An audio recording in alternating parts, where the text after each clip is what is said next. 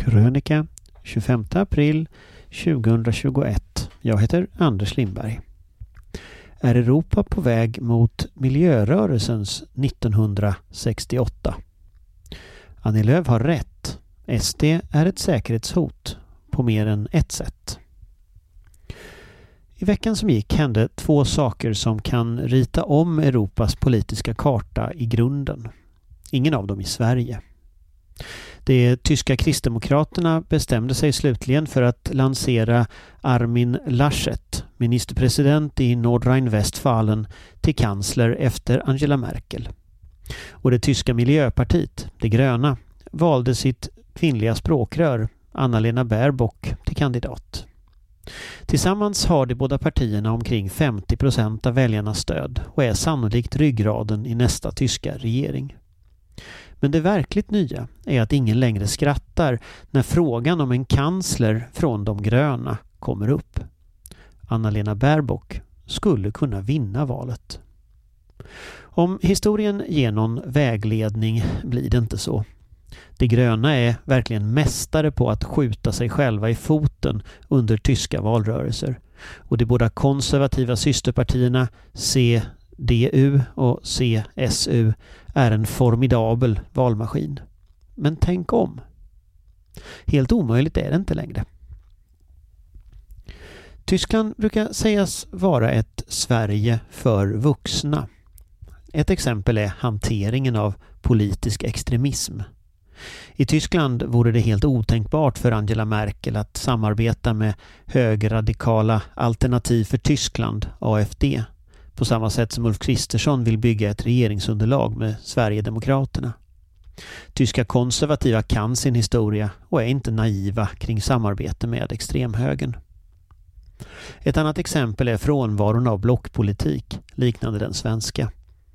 Just nu styrs landet av en stor koalition med kristdemokrater och socialdemokrater och i de olika delstaterna sitter i princip alla tänkbara blandningar av partier vid makten. Utom AFD alltså.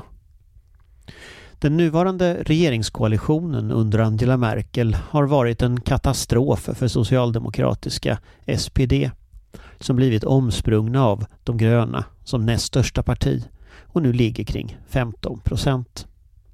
De flesta i SPD verkar överens om att de behöver slicka såren i opposition. Men höjer man blicken över de enskilda partierna skymtar vad som kan vara en större europeisk trend. AFD har länge gått på tomgång.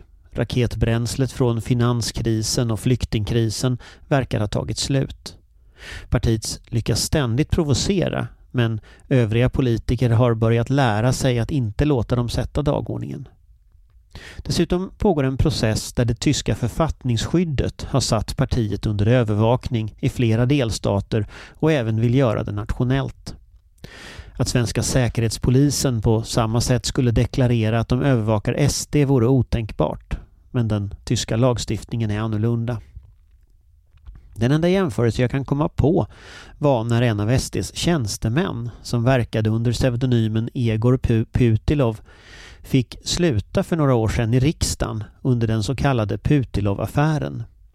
Så sent som 2019 nekades den tidigare SD-tjänstemannen presskort i riksdagen och riksdagsdirektör Ingvar Mattsson uppgav då för Ekot att Säpo bekräftat att Putilov haft kontakt med rysk underrättelsetjänst.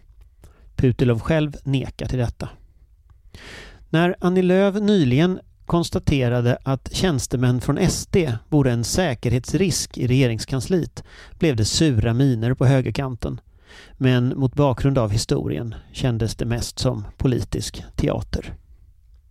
I grunden är AFDs problem även SDs.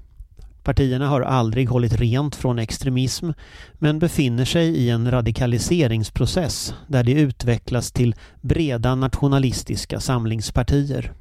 Några gränser för hur extrem du kan vara verkar inte finnas så länge du inte avslöjas i media.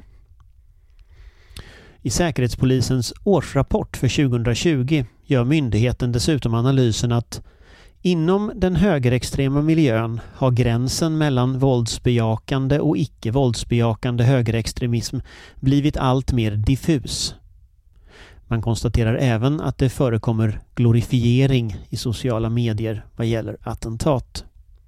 Om man bara tittar på öppna källor som SDs nätsoldater i sociala medier, olika Facebookgrupper och det som brukar kallas partiets svans kan man på goda grunder ställa frågan hur långt partiets sympatisörer egentligen har från ord till handling.